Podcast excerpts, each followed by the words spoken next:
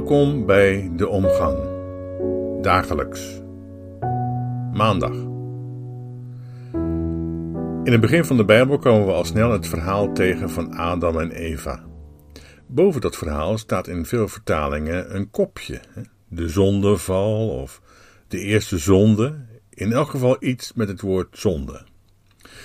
Die kopjes boven de stukjes tekst door de hele Bijbel heen zijn niet van de Bijbelschrijvers, maar van de drukker die de Bijbel uitgeeft. En die drukker wil de lezer wat op weg helpen door in die kopjes kort aan te geven waar het over gaat. Dus in dat verhaal van de zogenaamde zondeval gaat het over. Uh, eerst was het goed, maar toen at de vrouw van die appel en nu zitten wij, mannenbroeders, met de gebakken peren. Nou, als ik u was, zou ik die kopjes maar heel snel vergeten of overslaan. Want in het stuk tekst waarboven staat de eerste zonde, zult u tevergeefs zoeken naar het woord zonde. Het hele woord komt er niet in voor, namelijk. Zondeval, dat de mens gevallen is en dat dat door de vrouw en die appel kwam, de Bijbel weet van niks.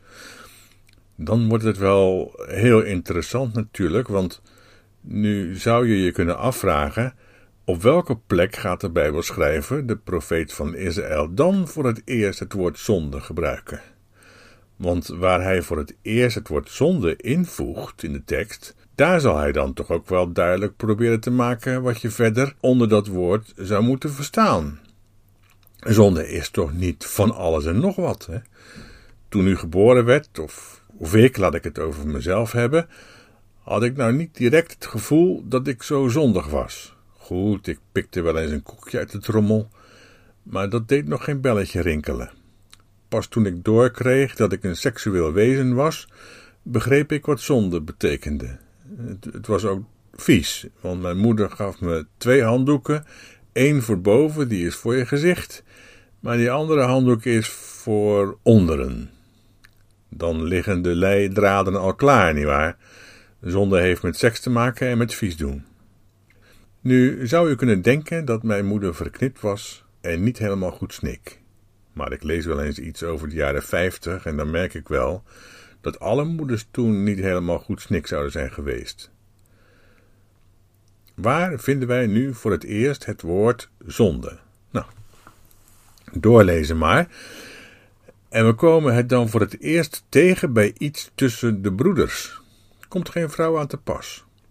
We komen het voor het eerst tegen in een situatie waarbij Kain, een geweldige vent, met behulp van de Heer heb ik een man verkregen, zegt zijn moeder.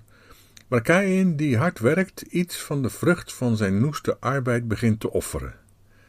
En ook Abel. Ook Abel, ja hoor. Abel, waar ons woord heibel van schijnt te zijn afgeleid. Altijd heibel met die Abel. U moet even het plaatje uit de kinderbijbels vergeten, waar Kain wordt afgebeeld als een zwarte bruut en Abel als een gelovige, roomblanke christenjongen. Abel is in het verhaal een vervelend naapertje. Zijn naam betekent letterlijk niksigheid, niemendal, noppes, een irritant gozertje. Ik hoop niet dat ik de Abels onder u nu beledig. Maar in dat verhaal komt de Bijbelschrijver voor het eerst met het woord zonde. En dan niet als een erfzonde, als iets dat Kain overgeërfd zou hebben gekregen. Kain is niet al vanaf zijn geboorte een zondig mens. Ja, op dat plaatje van de kinderbijbel zou je dat gaan denken, maar dat plaatje slaat echt nergens op. Zonde. Wat is dat dan? Heb oog voor je zwakkere broer Kain, want als je niet opkomt voor de zwakke, voor de have-not, dan ligt de zonde daar is voor het eerst het woord. Dan ligt de zonde aan de deur.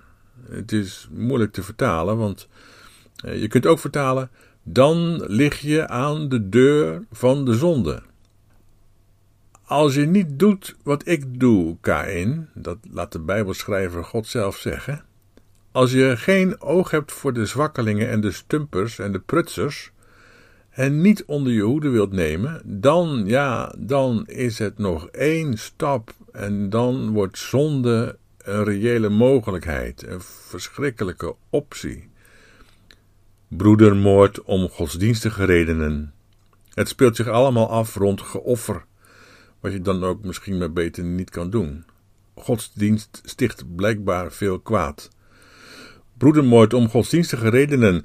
De sterkste slaat de zwakste de hersens in. Dat is wat de Joodse schrijver van het eerste boek van de Bijbel onder zonde verstaat. En het hele verhaal van Israël tegen de farao en zijn godsdienst, het godsdiensthuis Egypte, de heilsprofeten die net doen alsof alles koek en ei is, dat hele verhaal is één grote uitwerking van dit verschrikkelijke probleem van de religieuze broedermoord. Komt dat nog steeds zo voor dan? Nou, laten we eens nagaan waarvoor wij bereid waren te offeren. Waarvoor vindt onze cultuur dat offers gebracht moeten worden? Voor de vooruitgang, juist. En als de derde wereld daardoor zo op achterstand raakt dat miljoenen daarbij het leven laten, dan kun je misschien wel spreken van religieuze broedermoord. Ik geloof niet in een God die virussen verspreidt, die met corona straft, dat lijkt me blasfemie. Ik geloof wel in een stem, een stem die te horen is in de verhalen van Israël en die roept: Kies niet de dood, kies het leven. Dat is een stem die weet waarover het gaat. Die galmt namelijk niet uit onze tv-toestellen en uit onze laptops, maar die roept in de woestijn. In de hoop dat het geen roepende in de woestijn zal blijven. Hou het gezond.